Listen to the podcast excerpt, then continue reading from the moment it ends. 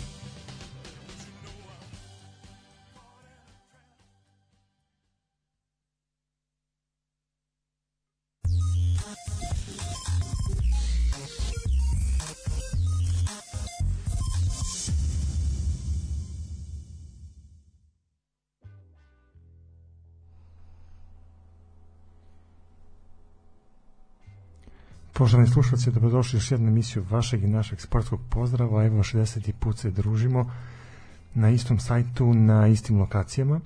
Nažalost, Stanislav danas nije sa nama, ali tu smo Tanja i ja. E pa Tanja, imaš tu čast da našim slušalcima poželiš dobro večer.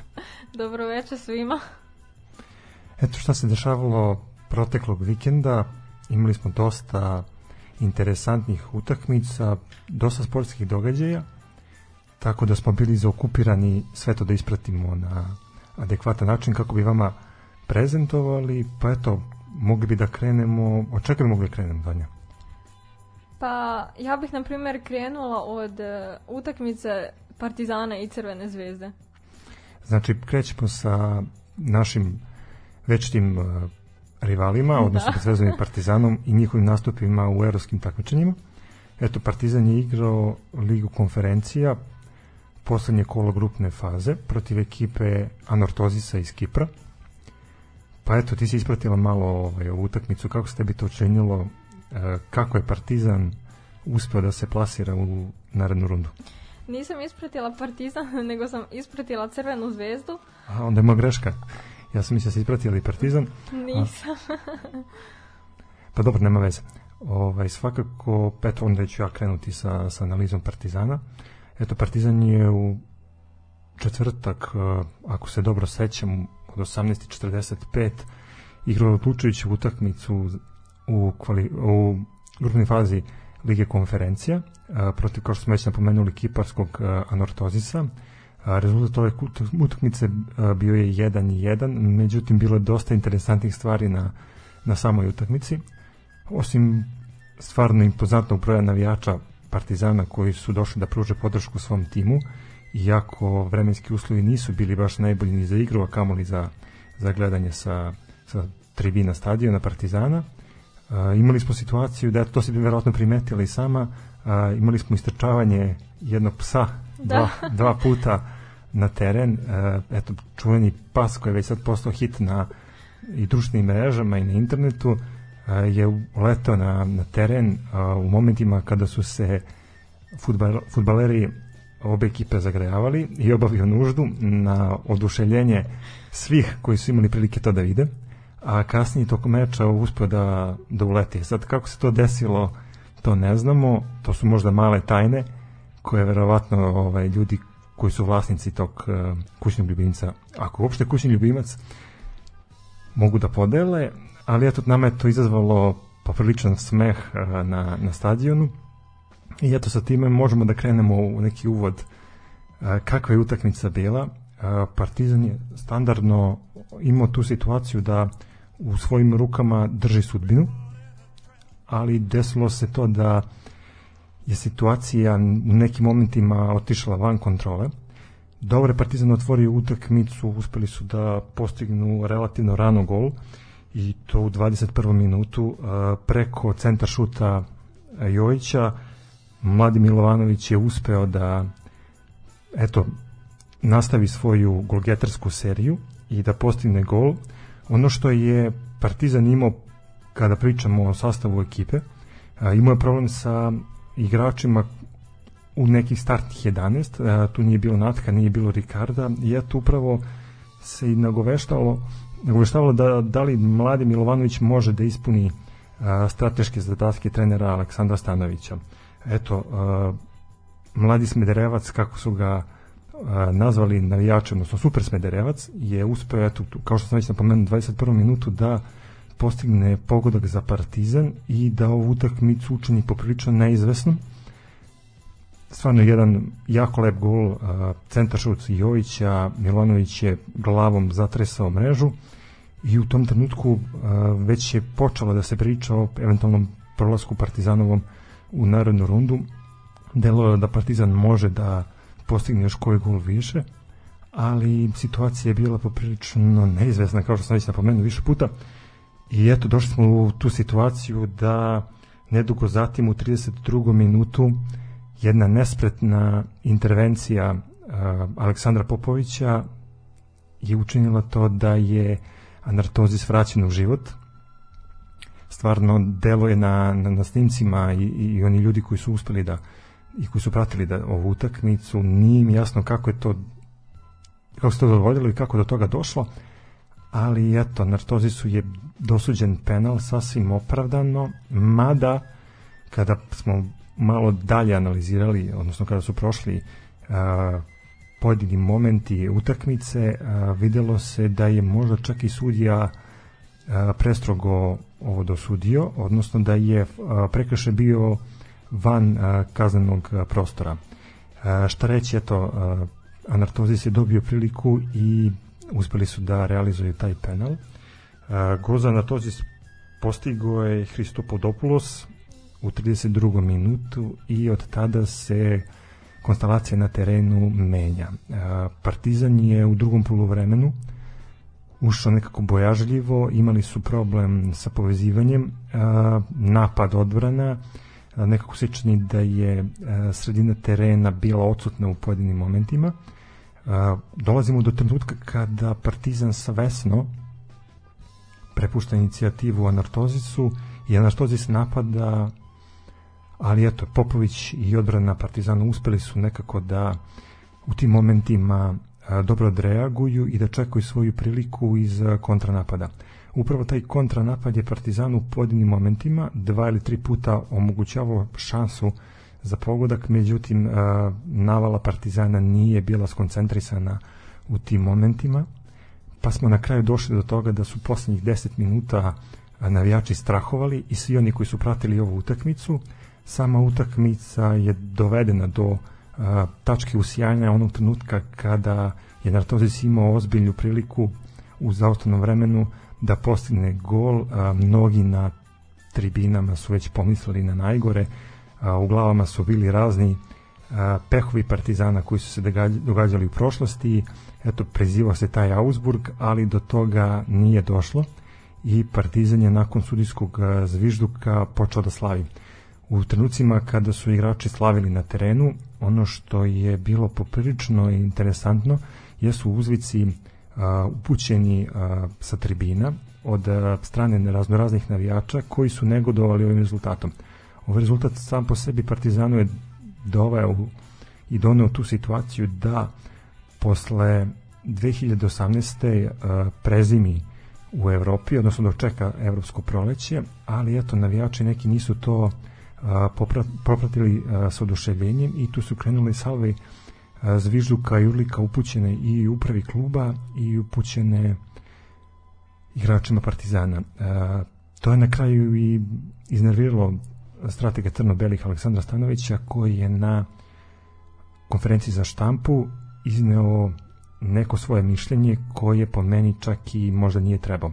E sad Tanja, mislim da ste ispratila Stanovićevu izjavu Stanojevićevu. Nisi ispratila. ovaj, svakako, eto, onda ću ja da, da, da objasnim u čemu se radi.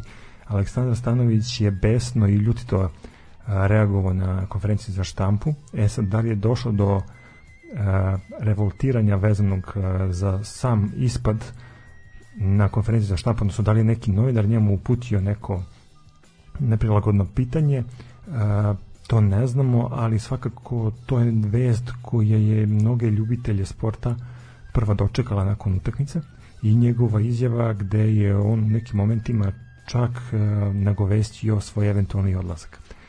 A, razmatrajući sve ovo što je Aleksandar Stanović rekao m, i da je u neku ruku okrivio navijače na, na stadionu da a, konstantnim provociranjem zapravo štete klubu, a, moje neko skromno mišljenje jeste da je do nekle u pravu. Stvarno partizanovi, navijači imaju razloga za zadovoljstvo. Partizan je posle dugo godina prvi na tabeli, uspio je da prezimi u jednom poprilično kvalitetnom takmičenju kakva je Liga konferencija. I stvarno ako pogledamo te neke detalje, navijači Partizana nemaju razloga za pesimizam, ali ako pogledamo igru Partizana koja evidentno trenutno nije u, u nekoj formi i, u, i nalazi se u fazi opadanja, prezano navijači moraju i mogu da traže neki vid nezadovoljstva. Ako pogledamo da je Partizan uspeo da eto sebi stavi još jednu mrlju na, na svoj konto, upravo tim gubitkom, odnosno porazom u Talinu, nekako se čini da je sve to sada spalo u vodu onog trenutka kada je Partizan uspeo da se plasira u, u narednu fazu. Kada smo kod naredne faze uh, takmičenja, eto, Partizan je danas dobio a, svog narednog rivala, a, Žrebom Unionu, koji se danas održava od 14 časova. Odlučeno je da naredni protivnik futbolskog kluba Partizan bude Češka Sparta iz Praga. A, moglo je da se drugačije sve to organizuje i Partizan je mogao da, da čak u neku ruku ode i na Rapid iz Beča, obzirom da je među poslednjima izvučen, ali eto, na kraju će naredni rival Partizanu biti Sparta iz Praga. Kada pogledamo istorijat ova dva kluba, Partizan se poslednji put sastao sa Spartom 1966. godine i eto tada u čuvenoj utakmici 5-0 uspeo da izbaci ekipu iz Praga. Svakako ekipa iz Praga predstavlja jednu od tri trenutno najjača kluba kada je u pitanju Češka republika i stvarno deluje da, da će ova utakmica biti poprilično zanimljiva. Uh, ono što nas očekuje kada je u pitanju eto Liga konferencije jeste taj dvomeč koji će biti 14. februara u Pragu i 27. u Beogradu. Partizan kao povlašćeni klub u Žrebu imao je kao i svi povlašćeni klubovi u, u ovom delu imao je mogućnost da bude taj koji će drugu utakmicu igrati kao domaćin. E sada kada pogledamo trenutno raspoloženje i trenutno stanje na, na tabeli, razlika između ova dva kluba je evidentna. Partizan je definitivno prvi, iako je ostalo da odigra još dve utakmice u svom prvenstvu, dok je Sparta trenutno na trećem mestu. Prvi je, prva ekipa Plzena, a prati je a, a, Slova, a, Slavija iz Praga. A, takođe, bilo je nekih nepravilnosti kada su u pitanju žrebovi za evropsko takmičenje, pa smo danas vidjeli i pojedinu malverzaciju, ako da tako mogu da se ovaj, izrazim, kada je u pitanju Liga šampiona, ali o tome ćemo nekom drugom prilikom. Kada Stanislav dođe pa, ili neki naš gost, pa ćemo to da iskomentarišemo. Eto, to su bilo to kad je u pitanju Partizan. Svakako čestitamo crno-belima, uspeli su da nakon te čuvene 1966. četvrti put prezime u Evropi i eto, verujemo da mogu da naprave i korak dalje kada je u pitanju ova faza Lige konferencija. E sad, ona utakmica koju si ti uspela da eto ispratiš i ja mislim da da možeš sada mi pariraš u, u razgovoru, jeste, tu, jeste utakmica između Crvene zvezde i Brage, odnosno Bragi Crvene zvezde, da se tako izrazim, pošto je Crvena zvezda gostovala u Portugalu. Pa me sad interesuje eto, tvoje viđenje ove utakmice, pa možemo to da, da sumiramo zajedno. Dobro. Svi smo znali da Crvena zvezda treba da odigra jel, barem remi, da bi prošla dalje u osminu, to je da preskoči šestnestinu i da pređe u osminu finala. Ja iskreno nisam znala šta da očekujem, nikada nisam do sada inače gledala Bragu kako igra, ali sam čula od ljudi koji prate futbol da Braga jako dobro igra na svom terenu i da ju je teško dobiti, tako da i kao što su i igrači Zvezde znali da će biti naporno i da neće biti lako, tako sam isto i ja znala, ali hvala Bogu da sam jel, od ekipe... Kako tebi delovala utakmica generalno? A, meni? Pa, iskreno... Ja sam uspio da, da, da ispratim drugo polovreme koje je bilo mnogo zanimljivije od prvog. Očekivala sam nekako malo, malo bolju igru. Mislim, bolje je Zvezda igrala naravno nego protiv Ludogoreca, ali nekako e, mislila sam da će biti nekako dinamičnije.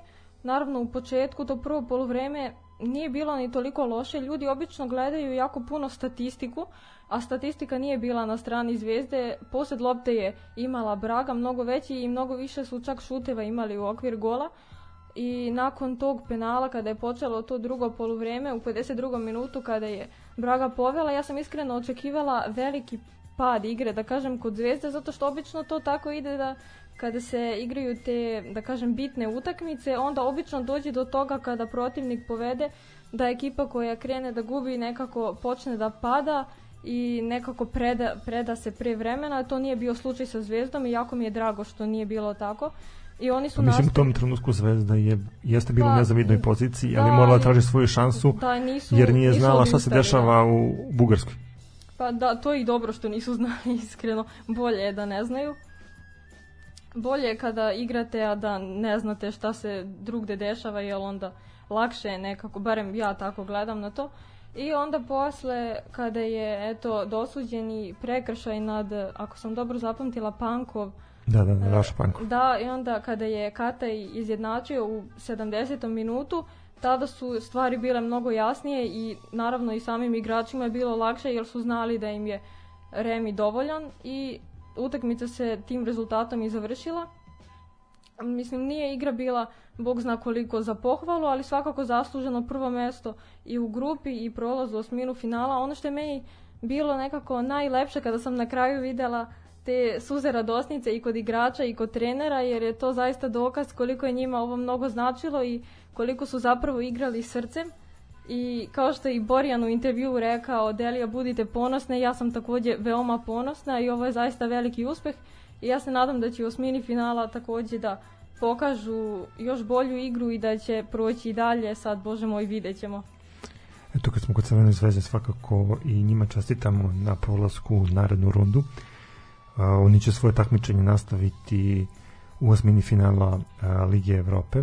E sad kada sumiramo zajedno uspehi Partizana i Crvene zvezde možemo da kažemo da je došlo do poboljšanja na koeficijent tabeli i da su naši predstavnici konačno uspeli da pređu u bolju poziciju, odnosno da anuliraju sve ono što im je bilo u manjku i da preteknu ukrajinske klubove. Tako da trenutno se nalazimo, ako se ja dobro ne varam, time ispravi, na 11. poziciji i ispred nas su samo Belgijanci, tako? Tako da ćemo verovatno naredne sezone, odnosno ne verovatno, nego sigurno, imati dva predstavnika u kvalifikaciji za Ligu šampiona. E, šta reći, stvarno veliki uspeh e, srpskog futbala, kada je bar e, klubski futbol u pitanju, ako pogledamo kakva nam je liga i ako pogledamo na kakvim stadionima se igra futbal kod nas, svakako je to veliki uspeh i ovo još jednom ponavljam čestitam i Crveni zvezdi i Partizanu na, na prolasku dalje. E, Zvezda je za razliku od Partizana mogla da sebi priušti taj luksus da danas odmori i da sačeka narednog protivnika. Tako da ćemo tek, e, ja mislim, u februaru saznati Da. ko je potencijalni protivnik e, Crvene zvezde. Ono što eto možemo još da, da napomenemo kada su u pitanju ova dva a, kluba jeste to da ih im preostaje dva kola pred neki presek, odnosno pred odlazak na a, zimsku pauzu, pa ćemo videti kako će oni izgurati još te dve utakmice. A, Partizan je, kao što sam više puta napomenuo, trenutno prvi na tabeli, Zvezda prati u stopu svog večitog rivala i mislim da s ovim možemo da da završimo kada je u pitanju evropski futbal. Ako ti nešto imaš da dodaš, slobodno reci. Nemam ništa da dodam. Pa dobro, to sam i očekivao da, će, da ćeš reći. Nekako mi se čini da ovaj, da ova emisija u odnosu na, na drugi kada je Stanislav bio tu ovaj, delo nekako zatvorenje, ali dobro, imamo, imamo vremena.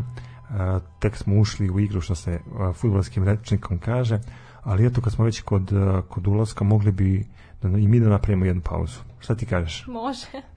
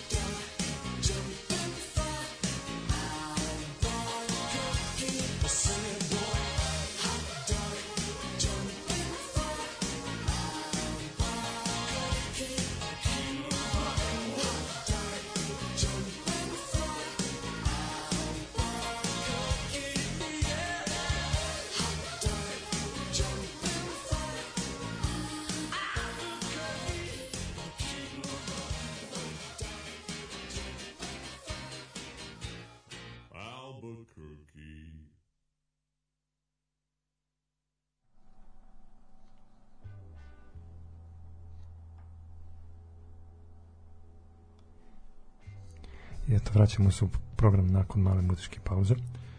Ono što možemo da iskomentarišemo kada je još futbal u pitanju i kada su u pitanju večiti predstavnici Partizan i Crvena zvezda, uh, su večiti rivali, a naši izgledali stvarno večiti predstavnici u evropskim takmičenjima u grupnim fazama, tako da se možda nisam ni nisam napravio neku grešku. Uh, sve u svemu, eto, Partizan uh, može da se pohvali još jednom interesantnom činjenicom, a to je da je Aleksandar uh, Popović uh, gledano u top 5 golmana Lige konferencija i stvarno ovaj, možemo da mu čestitamo na tome, to je jako veliki uspeh kada je u pitanju mladi čuvar mreže.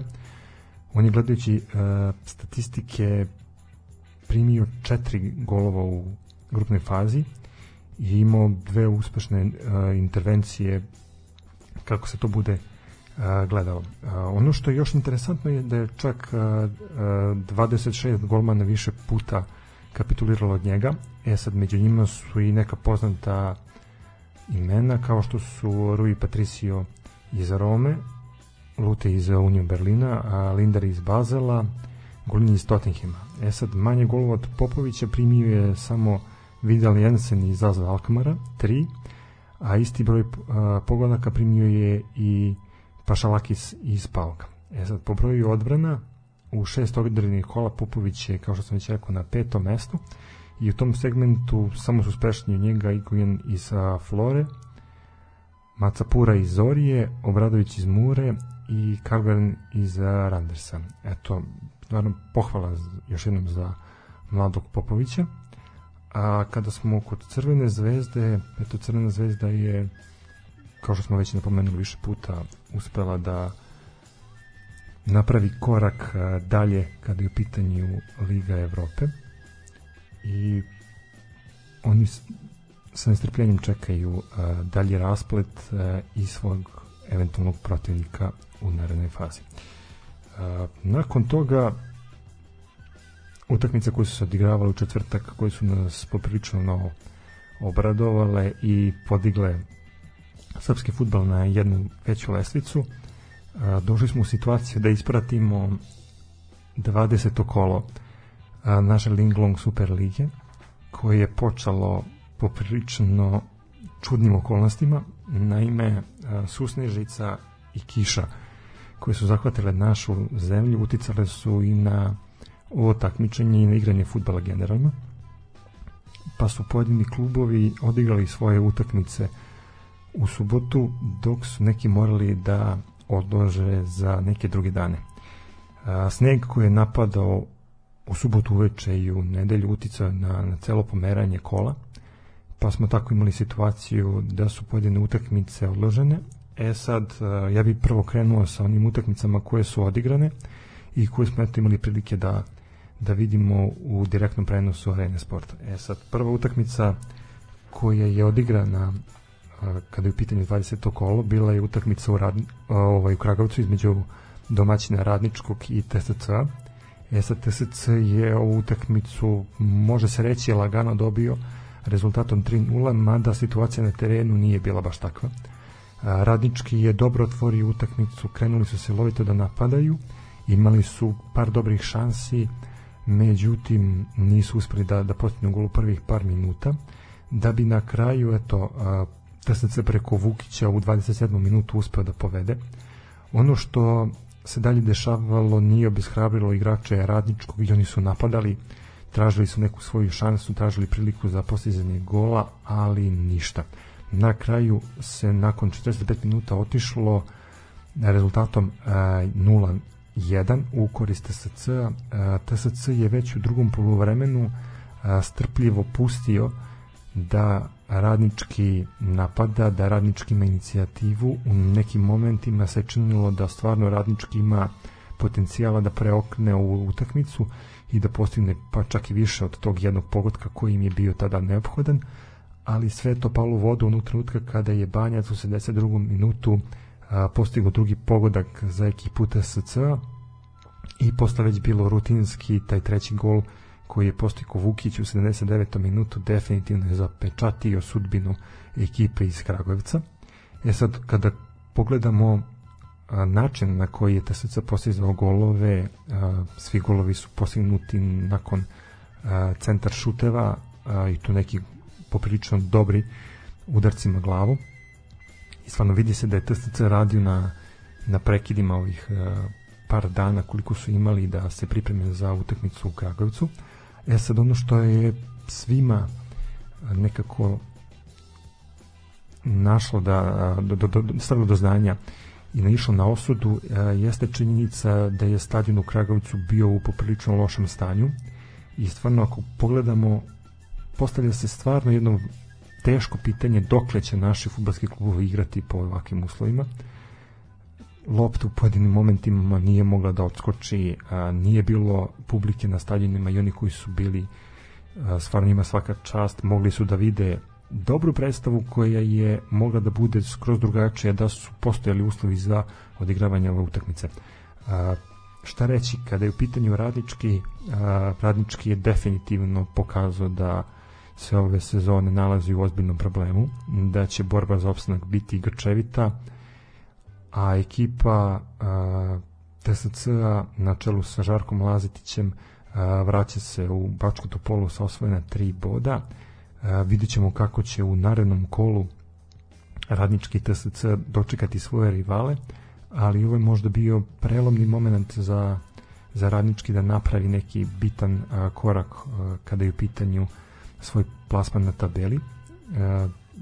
Kao domaćinska ekipa stvarno su nekako čini da su da su ovoj utakmici pristupili krajnje ozbiljno i krenuli su silovito da, da traže svoju šansu, ali osim toga ništa drugo nisu pokazali. A, naredna utakmica koja je odigrana a, bila je utakmica isto ovaj, između radničkog, ali ovaj put iz a, Niša i Čukaričkog. A, nekima je ovo, pa može se slobodno reći, bio derbi kola, obzirom ako pogledate tradiciju igranja u prvoj ligi a, između ekipe a, Radničkog i Čukaričkog. A, kada sagledamo malo bolje, a, utekmica je odigrana u još gorem a, izdanju. Teren je bio natopljen, a, isto do te mere da lopta nije mogla da odskače. A, kada pogledamo intervencije čuvara mreže na obe strane, čini se kao da smo čekali da neko od njih napravi kiks, međutim do toga nije došlo ali su kiksevi bili na, na obe strane, što u napadu, što u odbrani. Šta reći kada je u pitanju sama utakmica, teren, katastrofa i stvarno sreće da se niko nije povredio. Oba gola su postignuta iz penala, nema neke nema nekog razloga za, za detaljnu analizu Jovanović u 36. minutu postigao gol sa bele tačke i time Čukarički doveo u vođstvo. I tek je pri kraju utakmice Pejović u 73. minutu uspeo da izjednači na, na 1-1 podela bodova na Čajru. A, utakmica stvarno za zaborav nije bilo nekih bitnih situacija osim ta dva penala nije bilo mogućnosti da se pokaže prava futbalska igra ono što smo eto videli jeste valjanje lopte u, u blatu, a između ostalog i valjanje igrača. Tako da se ja više tu ne bi zadržavao. Eto, podala bodova na stadionu Čajer u Nišu. I po meni ovaj utakmica koja me poprilično iznenadila i koja je stvarno uspela nekako da nas zaljubnike u ovaj sport vrati u taj neki entuzijazam kada je u pitanju ovo kolo i pred Ligom Super Lige, to je utakmica u Lazarevcu između Kolubara i Proletera. E, Kolubara je napravila veliko iznenađenje, pobedila Proletar 2-1, iako su do momenta kada su odigrali ovu utakmicu bili u poprilično lošoj formi, uspeli su da, da se izdignu i uspeli su da osvoje tri boda veoma bitna za dalji nastavak takmičenja. E sad, uh, jesi ti ispratila Tanja ovu utakmicu između Kolubare i Proletera? Ne ispratim skoro ni jednu utakmicu kada govorimo o našem domaćem futbalu, Pa tako zašto? da Zato što iskreno nisam toliko zaljubljenik u naš futbal koliko sam zaljubljenik u Bundesligu i u taj nemački futbal i koliko to ispratim toliko ovaj naš futbal ne ispratim, a opet više sam naklonjena drugim sportovima kao što su odbojka i košarka, tako da eto to su uglavnom razlozi zašto. Eventualno nekad ispratim crvenu zvezdu, ali i to isto jako redko, jedino sad što sam ispratila ovu utakmicu zato što je eto bila bitna, pa sam je odgledala ovako zaista ni termine utakmica ne pohvatam, ni ne pratim toliko domaći futbol, pa čak i kada bih odgledala ne bih imala ništa tu nešto veliko da komentarišem s obzirom da ne znam ni sastave ekipa, niti znam ko je otprilike na kakvom nivou, tako da od mene se tu ne očekuje neki pametan komentar. Pa ništa, znači ja da dam barem pristojan komentar, ako ne bar pametan. E, eto, Proletar je poveo u ranoj fazi, ali je na kraju ekipa Klubare uspela da preko Uroša Đuranovića postigne dva gola. E, ono što smo uspeli da vidimo na, na samoj utakmici jesu incidenti. E, bilo je dosta napetih e, situacija i dosta tenzija na terenu. Par puta je sudija ozbiljno morao da, da prekida igru kako bi smirio igrače. Bilo je deljenja žutih kartona, bilo je valjanja, bilo je i udaranja, guranja, svega onoga što, ga ne, što ne volimo da gledamo u futbalu, ali u ovom momentu kada pogledamo kakve su bile ove prethodne dve utakmice, ovo je čak i, i došlo kao bonus svima nama koji smo eto gledali ovu utakmicu. E, utakmica je isto bila u, u otežanom izdanju jer su igrači bili pod e, velikim problemom igranja na terenu koji je bio natopljen eto, nije opet bilo nekih grešaka sudija kada pogledamo sve čisto ali eto, arbitar koji je sudio ovu utakmicu u momentima je uspeo da izgubi kontrolu, što se to reflektovalo pojedinim gurkanjem i udaranjem i tim prekidima koji je eto, bilo više od 2-3 puta na meču. Svakako vredna tri boda kad je u pitanju ekipa iz Lazarevca. I sa tom utakmicom se završio taj uh, subotnji dan i svi smo sa nestrpljenjem očekivali dalji rasplet uh, kola, međutim uh, desilo se da je sneg počeo mnogo jače da pada, uh, mnogi putevi su bili zavejani, između toga uh, nije bilo uslova da se odigraju uh, naredne utakmice, pa su tako utakmice između uh, Partizana i Met imalo su i među metalci i partizana koje je trebalo da se odigra u ponedeljak pomerene, evo sad kako saznajemo za sredu. Futbaleri Voždovca nisu uspeli da odigraju svoju utakmicu u Novom pazaru a Zvezda je odigrala odnosno još uvijek igra Zvezda još uvijek igra svoju utakmicu sa ekipom radnika iz Surdulice i trenutan rezultat je 1-0 Gol je postigao Aleksandar Katej u 36. minutu iz penala, ali je takođe Kata imao i situaciju da povisi rezultat na 2-0, međutim nije uspio da realizuje penal u 43. minutu. Tako da je na poluvreme Zvezda otišla sa vojstvom od 1-0. Za sada su u drugom poluvremenu ništa bitno nije desilo osim par izmena koje su izvršile obe ekipe to je u suštini to, imamo jako e, nekompletno kolo da bi mogli da donosimo neki dalji sud. E, eto, čeka se utakmica e, između e, Voždovca i Novog pazara koje je po planu da se odigra e, sutra. E, takođe e, i utakmica između samo sekunda da, da, da, da proverimo a, između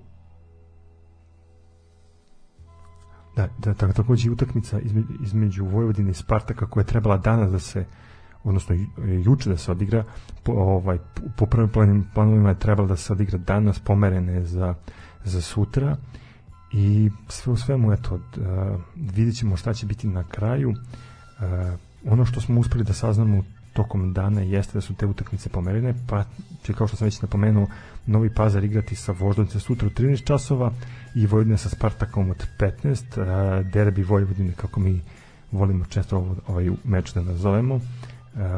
vidjet ćemo koliko će ljudi biti, vidjet ćemo kako će biti vreme tokom sutrašnjeg dana. Zajednica Superligaša ovaj, je donela nekako čudno pravilnik i pomer, pomerili su utakmicu između mladosti i napretka takođe za, za, za sredu. Pa ne znamo stvarno šta, šta da kažemo ovaj, razvuklo se ovo kolo od petka do eto srede. A, neke utakmice koje su trebale da budu prvobitno igrane u subotu su uspele da se, da se odigraju ove koje su igrane za nedelju su pomerane a, vidit ćemo kako će to da se odrazi na naredno 21. kolo čime se, a, čime se zatvara a, zvanično ovaj jesenji deo sezone tako da ne znam, ne znam što da kažem, opet nemam komentar na, na ovo dešavanje, jednostavno to je moralo da se desi kada pogledamo u prilog kakve su bile vremenske nepogode i s kakvim se situacijama suočava naša zemlja. Tako da nije bilo prostora da se igra futbal, ovo je opravdano, ali opet a, postavljamo pitanje da li je moguće da stadioni ne ispunjavaju neke uslove za igranje po eto snežnom a, vremenu. A, Zvezda je svoju utakmicu, kao što sam već napomenuo sa radnikom, igrala u standardnom terminu, ali su uspeli, eto, to je zahvaljujući tome što stadion Crvene zvezde posjeduje grejače terena. A, definitivno ovi igrači su potrebni svim našim klubovima, jer ne treba da nas buni činjenica da u decembru padne sneg. Tako da to je to što bi se reklo kada je u pitanju uh, 20 kolo Linglong Super Lige nekompletno nemamo izveštaje sa, sa nekih utakmica da bi mogli da, da pričamo jer su se te, te utakmice pomerile uh, svakako ono što zavređuje dalju pažnju jeste eto ta činjenica da, da ćete imati tokom nedelje umesto Lige šampiona i Lige Evrope mogućnost da gledate naše klubove. Kada pogledamo raspored e, za naredno kolo koje je trebalo da se igra u intervalu sreda e, četvrtak e, eto došlo i tu do, do, tih nekih pomeranja šta reći mislim stvarno ne znam kao da, da li je vredno da mi pričamo o narodnom kolu kada i ovo nije kompletirano pa ću ovo ostaviti ovako otvoreno prvi put i možda jedini ja mislim da, da, da je vreme sad možda malo da, da odemo na, na pauzu. Šta ti misliš, Tanja? Moglo bi. Pa, eto, moglo, moglo. Tebi bi dobro došlo. Svakako. Ništa, ovaj, idemo jednu malu muzičku pauzu.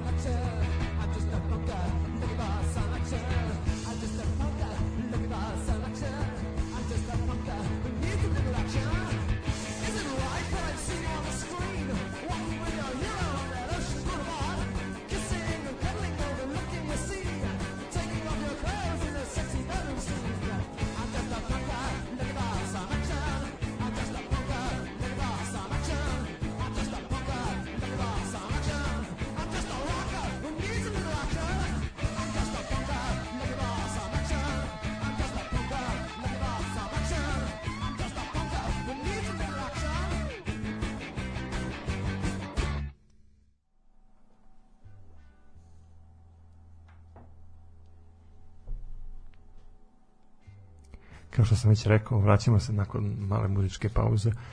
Moram da kažem, eto, ova pauza je bila poprilično kratka, ali sa futbola prelazimo na neke druge sportove. Eto, Tanja, ja se nadam da, da sad možemo da čujemo nešto i sa tvoje strane. Šta se dešavalo između ostalog na, na drugim terenima? Počet ćemo prvo sa košarkom, pošto sam htjela, jel, ono, slađe i meni srcu najdraže, to jest odbiku da ostavim za kraj. 11. kola ABA lige je odigrano i prvo ću da kažem naravno rezultate kojima su se završile utakmice. Prva utakmica je odigrana između ekipe Zadar protiv Mornara iz Bara i Mornar je savladao ekipu Zadra rezultatom 76 na, naprema 71. Zaista jedna skromna utakmica sa malom razlikom, s obzirom da su to dve ekipe koje se nalaze negde pri dnu tabele. Pretpostavljam da mnogima ta utakmica nije bila toliko ni interesantna. U sledećoj utakmici snage su odmerile Cibona i budućnost i ekipa Aleksandra Đikića je pobedila Cibonu rezultatom 80 naprema 73 i u mojim očima barem Aleksandar Đikić obavlja jako lep posao. Mislim Dobro, on je iskusan trener, ima dosta da, godina iskustva. meni i... se dopada eto ono što za sada budućnost pokazuje zaista jedna meni barem zanimljiva košarka i lepa igra i drago mi je što je eto budućnost pobedila Cibonu iako sam moram da priznam dok sam ranije, ali to je bilo već pre 4-5 godina, eto kako godine brzo lete, kada sam pratila košarku ranije, jako sam voljela Cibonu, to je bilo još onda dok je Marin Rozić, čini mi se, bio kapiten i dok je i Ante Žižić igrao, tada je Cibona po mom mišljenju igrala na m, više, da kažem, mnogo višem nivou nego sada, ali bože moji igrači su sada drugi, jel, prošlo je koliko godina, Pa da, tako, su i trener se menja, tako da treba će i meni malo vremena da se sada naviknem. Sledeća utakmica je bila između Mege... Ja, ja, ja bi se samo zadržao na, na, toj utakmici između eto budućnosti i Cibone. Ono što eto, je jako interesantno e, to je da su da je budućnost sad ima a, osam pobjeda i tri poraza i četvrti na tabeli eto Da, regionalne da, lige. sa 19 bodova, da, a Da, a Cibona je sedma sa skorom od pet pobjeda i šest poraza. to si htio da kažeš. Pa to sam htio da kažem, mogu ja- onda, da, ovaj, s obzirom da je to Partizan, ali dobro o tome mogu i posle da pričam, Partizan je drugi na tabeli, a FNP je treći sa istim brojem bodova kao i Partizan, a budućnost je odmah ispod sa 19, što opet naravno budućnost može da se popne vrlo lako i nakon sledeće utakmice, mislim u zavisnosti od toga kako i ostale ekipe budu odigrale. Tako da sve u svemu četvrto mesto na tabeli da uopšte nije loše s obzirom na to da je i, i u odnosu na Crvenu zvezdu samo dva boda razlike, tako da vidjet ćemo. E sad, mene zanima ovaj, konstacija poena u, u budućnosti i u ekipi Cibone, ko je bio tu najefikasniji nemaš te podataka. E, nemam. pa aj, mislim dobro ništa onda idemo na idemo dalje. Mislio sam da, da napravimo nekako paralelu da vidimo ko je bio košgatarski bolji uh, i kakav je bio učinak uh, igrača u, u ekipama, ali dobro. Uh, ništa, ja ti prepuštam dalje ovaj, treća, čini mi se da sam kod treće stigla.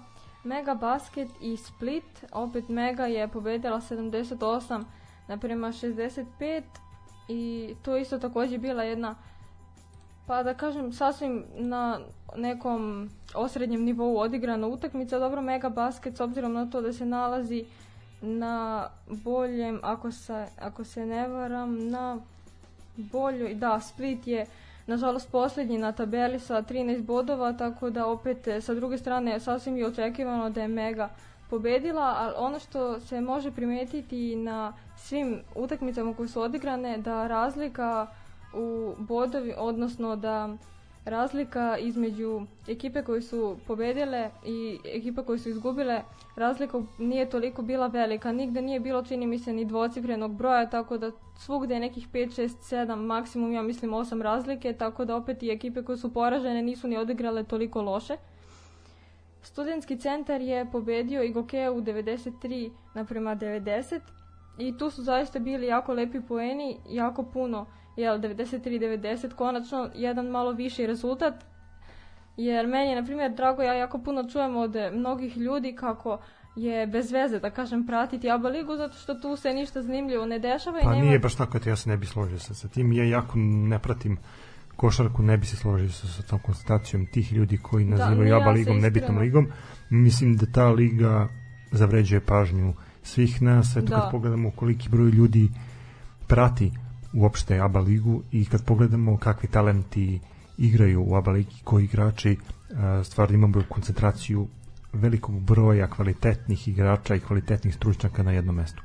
Ja sam više puta napomenuo kada pogledamo eto da da budućnost vodi Džikić, da, da Radović vodi Crvenu zvezdu, da, Da. Bradović vodi Partizan, a, da imamo a, Cibonu, da imamo Megu koja je tu uvek nepredvidiva i koja je puna talenta. Eto kad smo već kod, kod Mege, ti si propustila da, da napomeneš eto da je čak u, u Megi ovu utakmicu dominirao Nikola Jović, naš reprezentativac, koji je postigao eto, 25 poena. Stvarno imamo a, ni, dosta dobrih igrača i po meni treba pažnje, možda čak i više da se usmeri ka Ava ligi. Da, to se takođe slažem sad kako si spomenuo, da to sam zaboravila da kažem za tih 25 poena.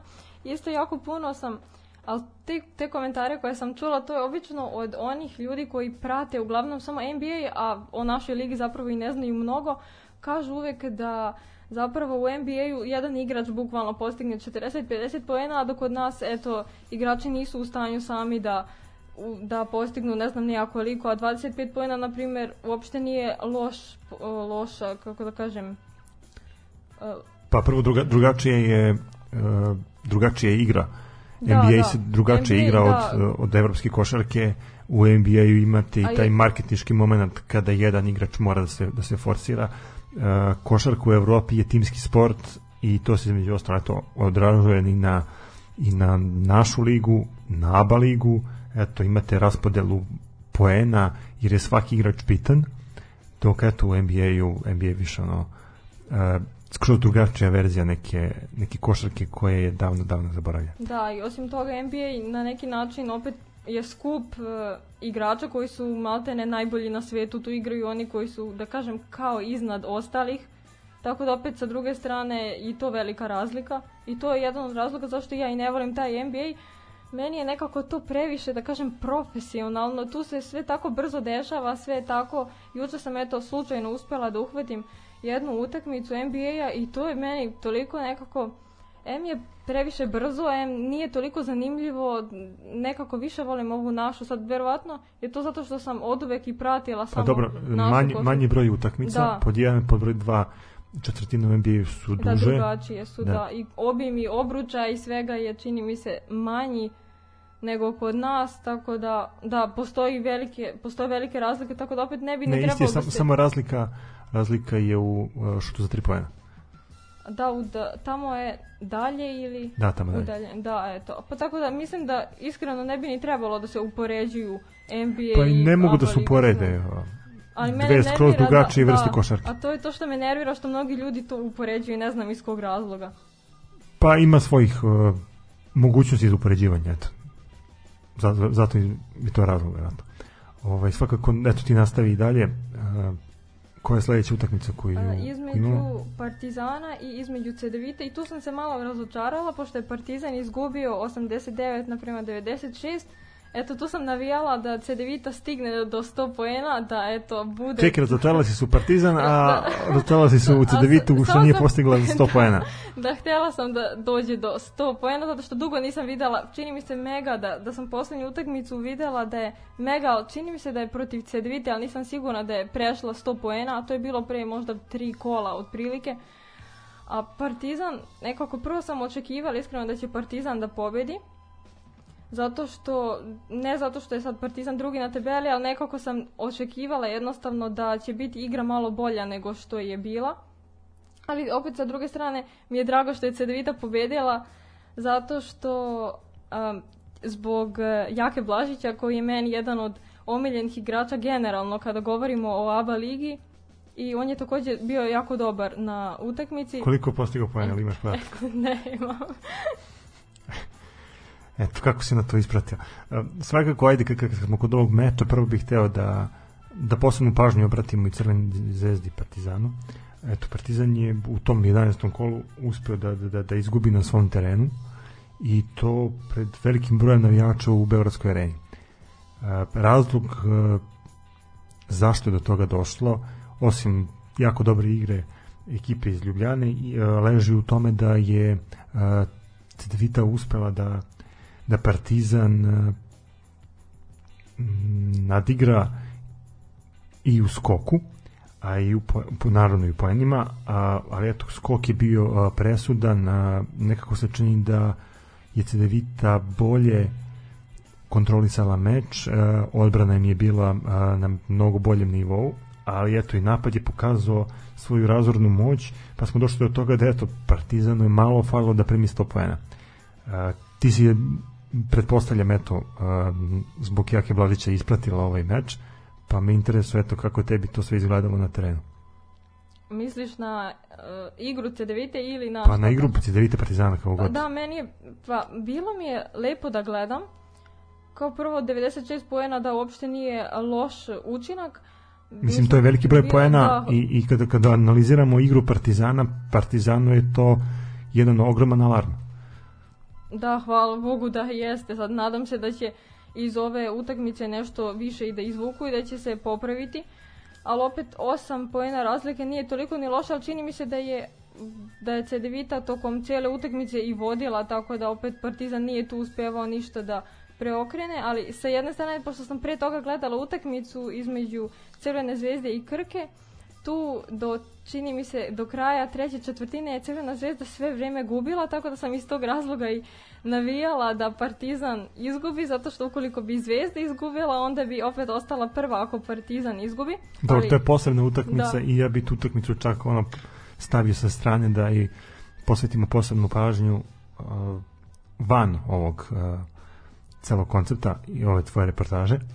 Ovaj, a ja mislim da se ti slažeš sa mnom da, da, eto, da utakmicu između uh, Crvene zvezde, odnosno Krke i Crvene zvezde ostavimo za, za kraj. Ili ima još neka utakmica koja je... E, I još samo Borac i FNP, osim FNP je pobedio 80-77.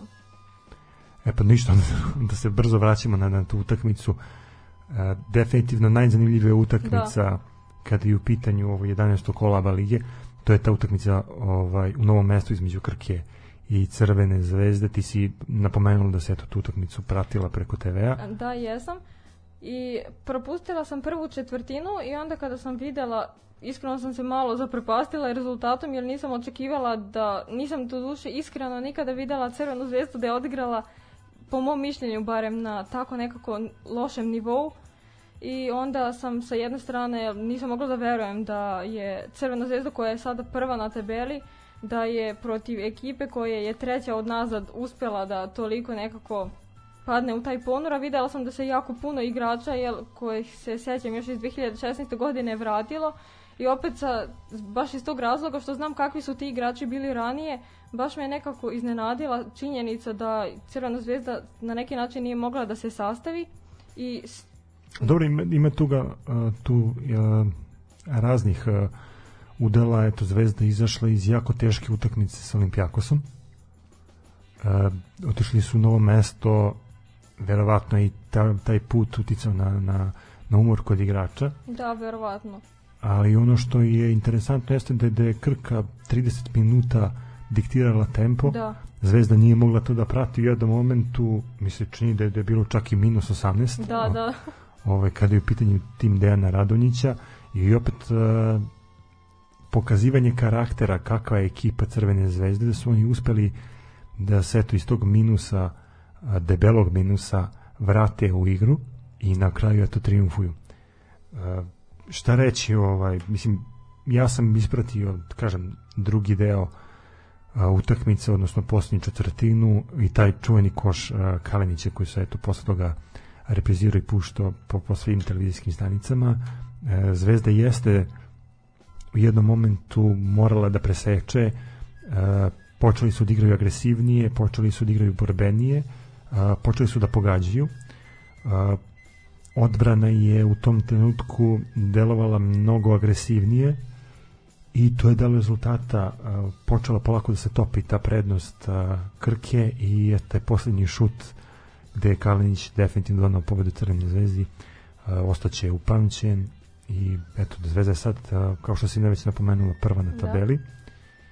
Ali eto ima još da se igra, ima dosta kola da se, da se prođe, tako da vidjet ćemo, svakako zanimljiva je ova ABA liga, iz raznih uglova gledano može da se da se poredi uh, učin, učinak različitih timova.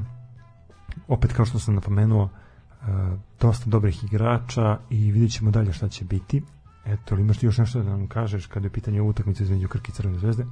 Pa mogu samo da izrazim svoj, svoje mišljenje.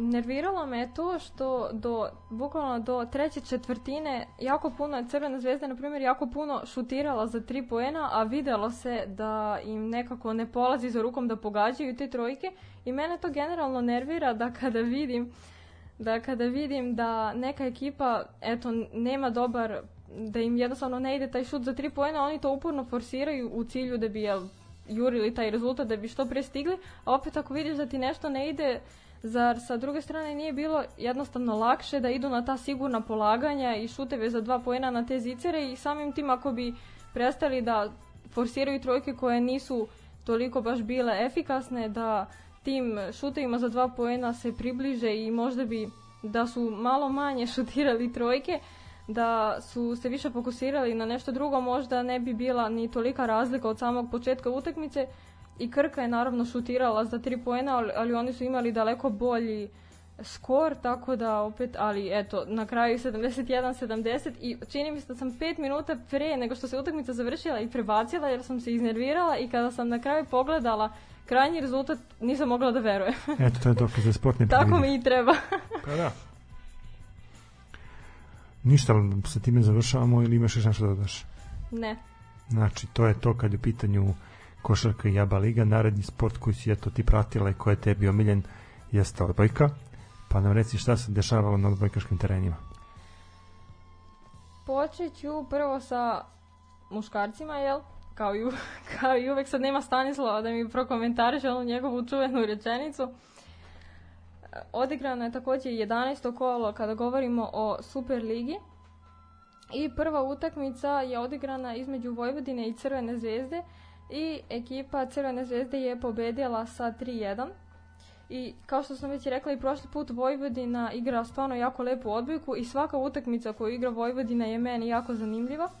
I ova utakmica je zaista bila u sva četiri seta jako, jako zanimljiva i tesna do samog kraja.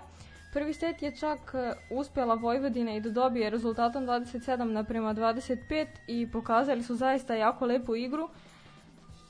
Ostale setove naravno nisu dobili, ali je rezultat sve vreme bio jako, jako blizu. I u svakom slučaju nije bilo nekih, da kažem, e, dugih poena, lepih poena kao inače što ume da bude, ali opet kada ekipa organizuje jako dobar napad i protiv dobrog smeča jednostavno nema odbrane, ali sve u svemu utakmica je bila zaista jako lepa, a Crvena zvezda je opet prva na tabeli, tako da znamo koliko je ona zapravo zahtevan protivnik. I nakon ovog poraza Vojvodina se spustila nažalost i na treće mesto s obzirom na to da je Partizan pobedio, to je inače sledeća utakmica koja se odigrala, Partizan je pobedio Metalac Takovo iz Gornjeg Milanovca rezultatom 3-2 i tom pobedom je zaobišla Vojvodinu iako ima isti broj bodova i nalazi se na drugom mestu. To je takođe bila vrlo zanimljiva utakmica i Metalac Takovo moram isto da kažem s obzirom na to da se Metalac posle Niša nalazi na pretposlednjem mestu na tabeli, Metalac zaista igra isto lepu odbojku i vidi se koliko se trude i bore. Ja iskreno da ne znam da je Metalac pretposlednji na tabeli, nikad ne bih rekla da su eto toliko, da kažem, loši. Kada pogledam no, naravno to stanje na tabeli, mislim na te bodove. Inače, ima jako lepu igru i pokazuje zaista kvalitet, samo eto ne da im se da pobede. Ali može to naravno bolje, opet Partizan je takođe klub sa jako dobrim igračima, tako da u sledećoj utakmici između Ribnice i Spartaka i Subotice, Ribnica je bez većih problema naravno savladala ekipu Spartaka i Subotice sa maksimalnim učinkom 3-0. Ja sam već rekla naravno da mi je Kraljevačka Ribnica favorit i da nekako najviše volim da gledam njihovu odbojku zato što zaista igraju jako lepo i zbog toga što su mnogi naši reprezentativci ponikli upravo u Kraljevačkoj Ribnici. I Ribnica je takođe sada zabeležila i svoju šestu pobedu i nalazi se na šesto mesto na tabeli, ali opet Spartak iz Subotice i Radnički takođe imaju isti broj bodova, tako da tu se može mnogo toga još promeniti. I ja se nadam da će se Ribnica popeti naravno nakon narednog kola i ako ništa bar do te četvrte pozicije, što je naravno moguće. A s obzirom da je razlika naravno i između Ribnice i Vojvodine i Partizana svega 3 poena, opet ni to nije toliko mnogo. Radnički je pobedio 3-0 ekipu iz Niša, naža, nažalost Niš koji eto je na samom dnu tabele sa svega 3 boda, oni se naravno eto trude, ali ne uspevaju ni ovog puta da zabeleže pobedu. Nakon ovih 11 kola, nažalost, ostaju i dalje na poslednjom, poslednjem mestu i Spartak Lig, to je bila poslednja utakmica u muškoj konkurenciji i Spartak iz Liga je pobedio 3-1 ekipu mladog radnika i nakon ovih utakmica stanje na tabeli je sledeće.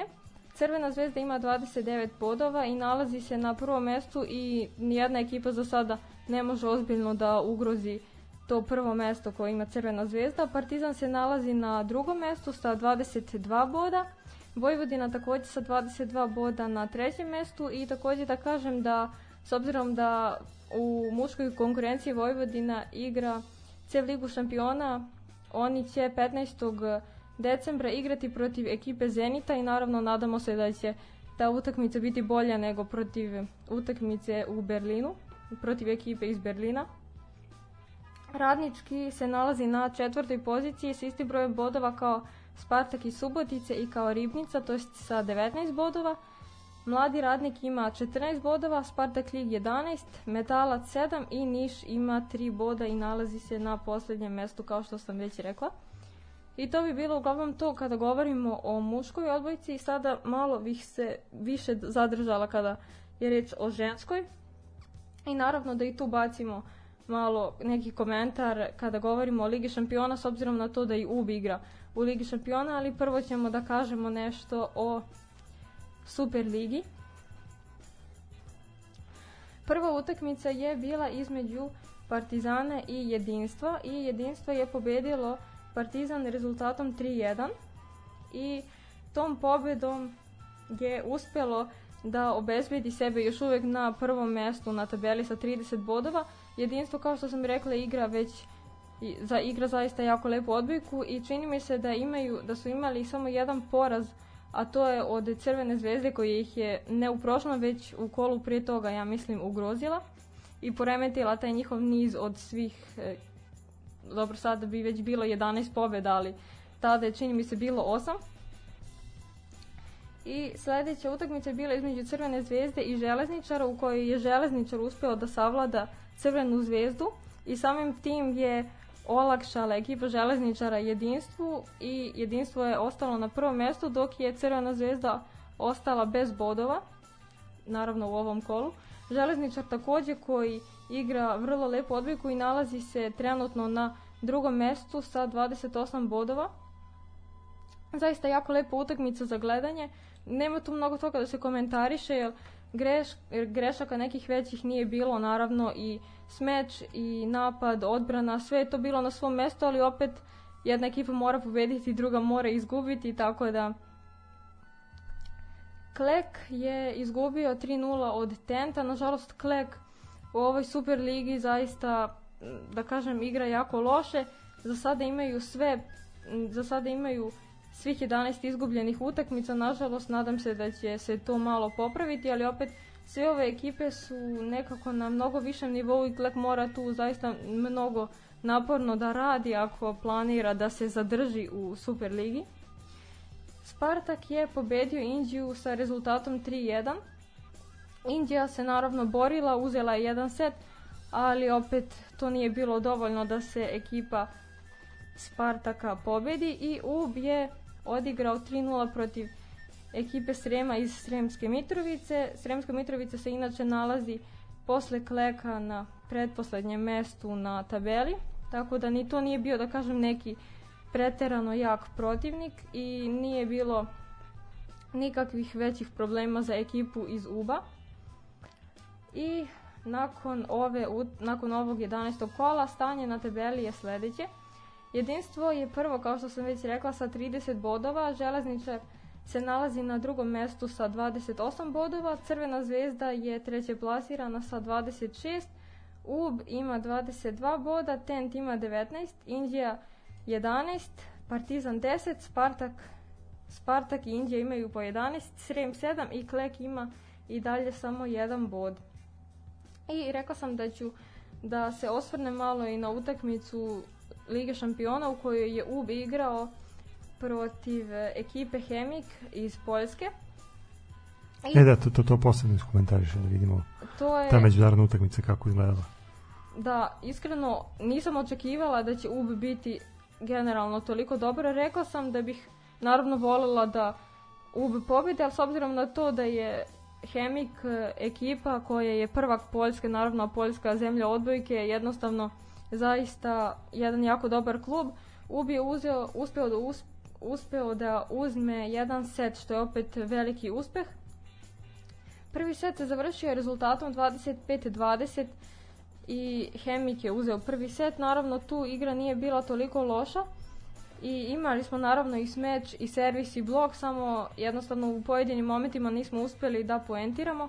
Drugi set je bio iskreno najzanimljiviji. U tom drugom setu je naša ekipa imala vođstvo čak od 10 poena, bilo je 17-7 u jednom momentu, što je zaista fantastično i to je mene zaista oduševilo i dokaz da se devojke nisu predale i da zaista pokazuju tu veliku borbenost i želju za pobedom. Na kraju se ekipa Hemika malo približila i taj drugi set se završio rezultatom 25 naprema 18. U trećem setu je takođe naša ekipa krenula da vodi i u većine, u većem toku ove utakmice je zapravo UB i imao vođstvo, samo ne znam eto kako su uspjeli tako da ga ispuste.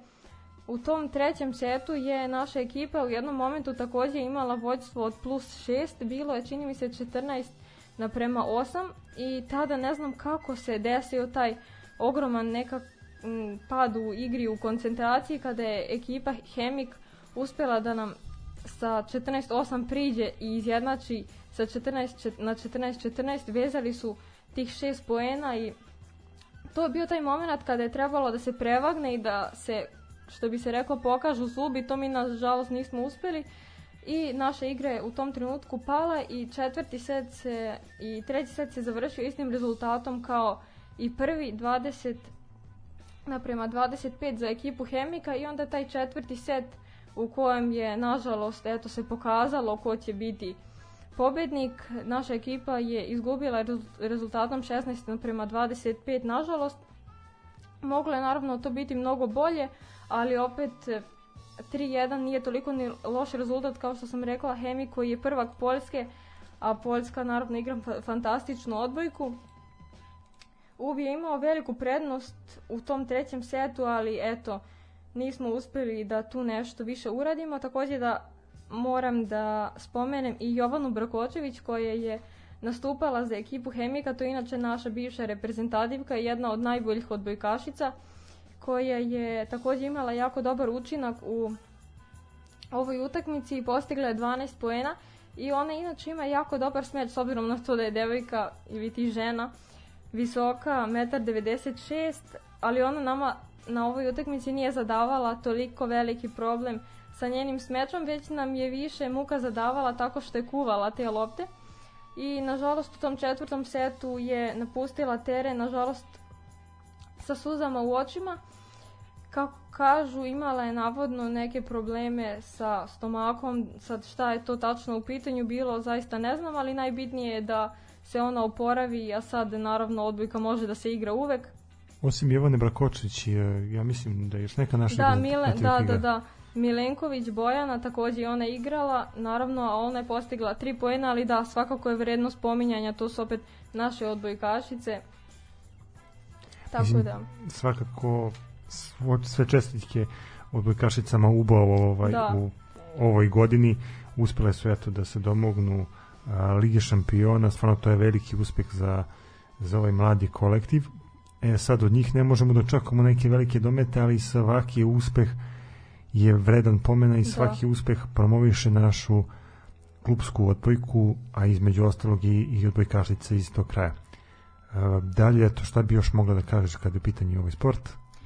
Pa da mogu da kažem takođe što se UBA tiče da će oni, da će ekipa svoju sledeću utakmicu u Ligi šampiona odigrati 22.12. to je 22. decembra u 18 časova i igraju, dočekuju ekipu iz Mađarske i ta ekipa se zove Ovde naravno na srpskom piše Niređ Haza, što je meni iskreno bilo malo smešno. E, da, da, čujemo kako se zvanično zove ta ekipa.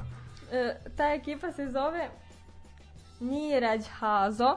Sad, to je možda nekome sad čudan taj izgovor, jel, mađarski akcent, ali ja da ne znam ovaj, da je ova ekipa iz Mađarske pomislila bih da je u pitanju neka kineska ekipa kada sam A dakle, pročitala. dakle dolazi iz kog grada? Ne znaš. Ne, ne znam, prvi put čujem za ovu ekipu, inače nikad nisam e, pratila mađarsku odbojku, ali znam da nije na tako visokom nivou E, kao... to sam mislio da te e, pitam. Da, nije na, Na- tako visokom nivou kao naša srpska odbojka. I šta bi mogli da očekamo u ovoj utakmici? Pa Jer ja možemo da se nadamo eto, nekim ovaj, pobedama, eto. Da, ja definitivno stavljam našu ekipu kao favorita u utakmici i svakako se nadam da će UB da, po, da pobedi, tako da vidjet ćemo, navijamo. Ti što navijamo, kao što, kao što si lepo rekla, navijamo da Dub dobije tu ekipu ovaj, iz Mađarske i eto, pratit ćemo ih eh, stvarno kolektiv koji zaslužuje pažnju i koji nas eto ove godine predstavlja u Ligi šampiona. A, šta još imaš da kažeš? Pa više ništa, ja. Da li Ako ti nemaš- nešto da kažeš? Obzirom da ja nisam ovaj osoba koja je kompetentna da bi pričala o odbojci, ja mislim da je vreme da odemo na jednu malu muzičku pauzu.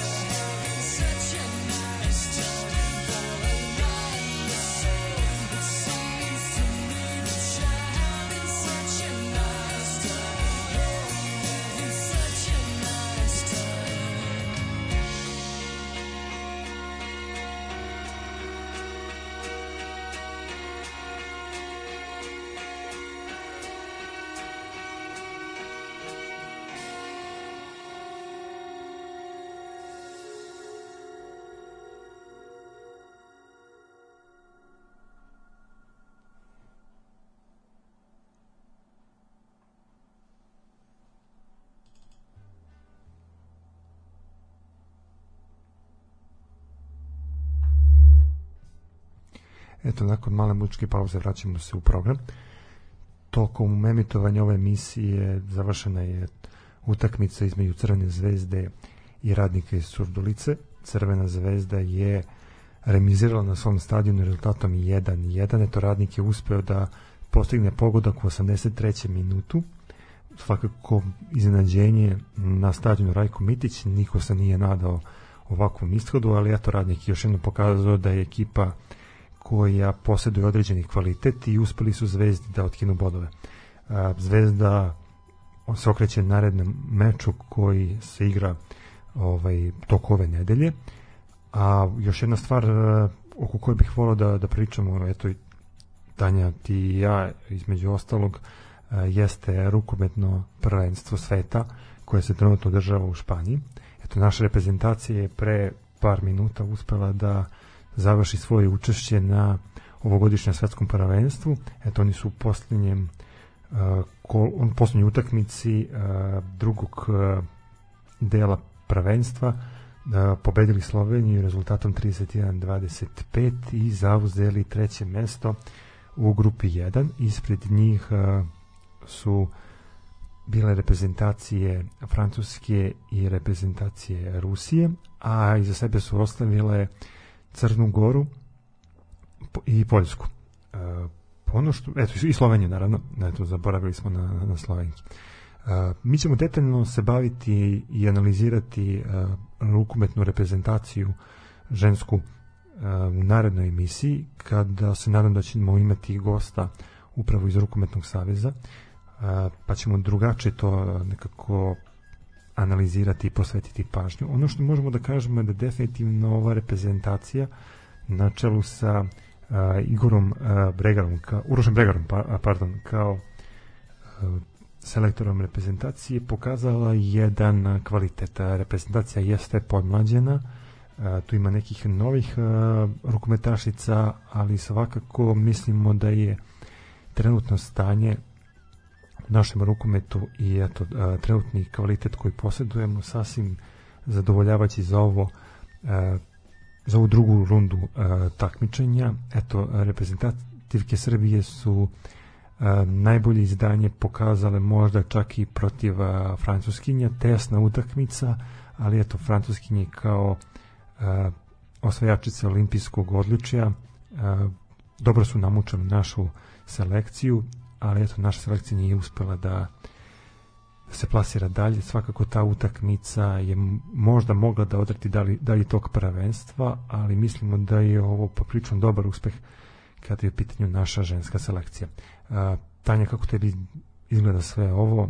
Ovaj, htio bih sa tobom malo da, da porazgovaram kad je u pitanju naš a, ženski rukobet. A, mislim da eto, imamo određeni kvalitet, a, ekipa jeste podmlađena, i pred uh, tom ekipom je svetla budućnost. Pa svakako da imamo dobru i kvalitetnu ekipu. Ranije sam u nekoliko navrata, zapravo to je opet bilo pre nekoliko godina, kada sam gledala našu rukometnu reprezentaciju, devojke su zaista na jako visokom nivou i osvajale su jako puno tih uh, evropskih i svetskih nekih uh, kako da kažem, medalja. Sad nisam sigurna šta tačno, ne želim nešto da odvalim zato što se već ne sjećam iskreno šta je tačno bilo u pitanju, ali zaista znam da su imale lepe uspehe i im, znam da je takođe i da smo imale jako dobru dobrog golmana, ne mogu to da stavim jel u ženski rod. Nisam sigurna sad koliko Pa da, bilo što Ivan Risović. Nisam sigurna koliko su se sad igračice već promenile, stvarno nisam dugo gledala, ali svakako da imamo zaista jednu kvalitetnu ekipu koja može mnogo, mnogo da mnogo veliki uspeh da postigne. Tako da opet sa jedne strane i ne iznenađuje me to što pobeđujemo, iznenadilo bi me više da gubimo, a ne da pobeđujemo. Pa evo, ako napravimo hronološki, naša reprezentacija je na ovom svetskom prvenstvu krenula sa pobedom protiv Kameruna, onda je usledila utakmica sa Poljskom, I još jedna pobeda, e onda je na red došao prvi test i utakmica protiv uh, ovaj vice šampionki uh, Ruskinja. Eto tu smo uh, tu smo utakmicu izgubile, izgubile odnosno su izgubili kao, kao selekcija rukometna. Šta reći, eto, e, tu se možda pokazao i prvi neki nedostatak naše reprezentacije, mogli smo da vidimo gde smo u odnosu na, na svetske sile. Nakon toga usledila je druga faza, gde se naša rukometna selekcija našla u grupi 1, koji su, kao što sam već napomenuo, činile reprezentacije Rusije, Francuske, Crne Gore, Poljske i Slovenije i eto možemo da kažemo da smo nekako dobro prošli iako je grupa bila teška i iako su francuskinje i ruskinje zaista pokazale određeni nivo kvaliteta koji je veći u odnosu na kvalitet koji posjeduje naša reprezentacija. Ne trebamo da, da žalimo to je bilo neko novo iskustvo.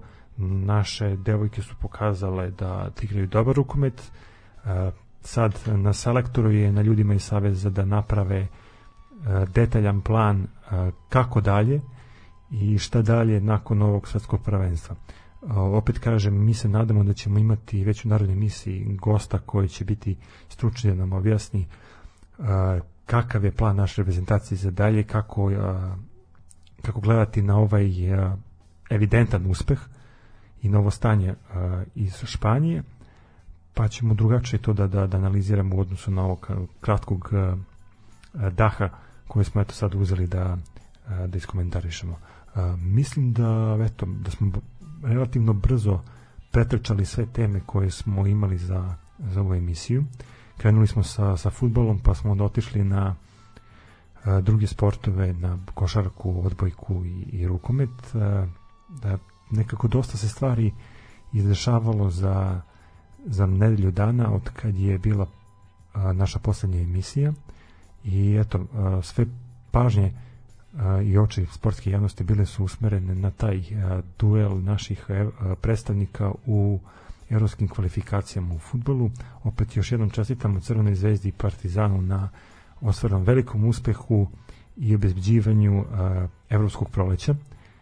Vidit ćemo dalje šta će se dešavati sa našom ligom da li će se kompletirati celo ovo 20. kolo, eto pred nama su utakmice sutra i preksutra kao što sam već napomenuo više puta vidjet ćemo još šta će, šta će se dešavati kada su pitanje drugi a, sportovi pa ćemo to nekako na a, na neki drugi način i na nekoj narodnoj emisiji iskomentarisati sve ono aktuelno što se dešava kod nas.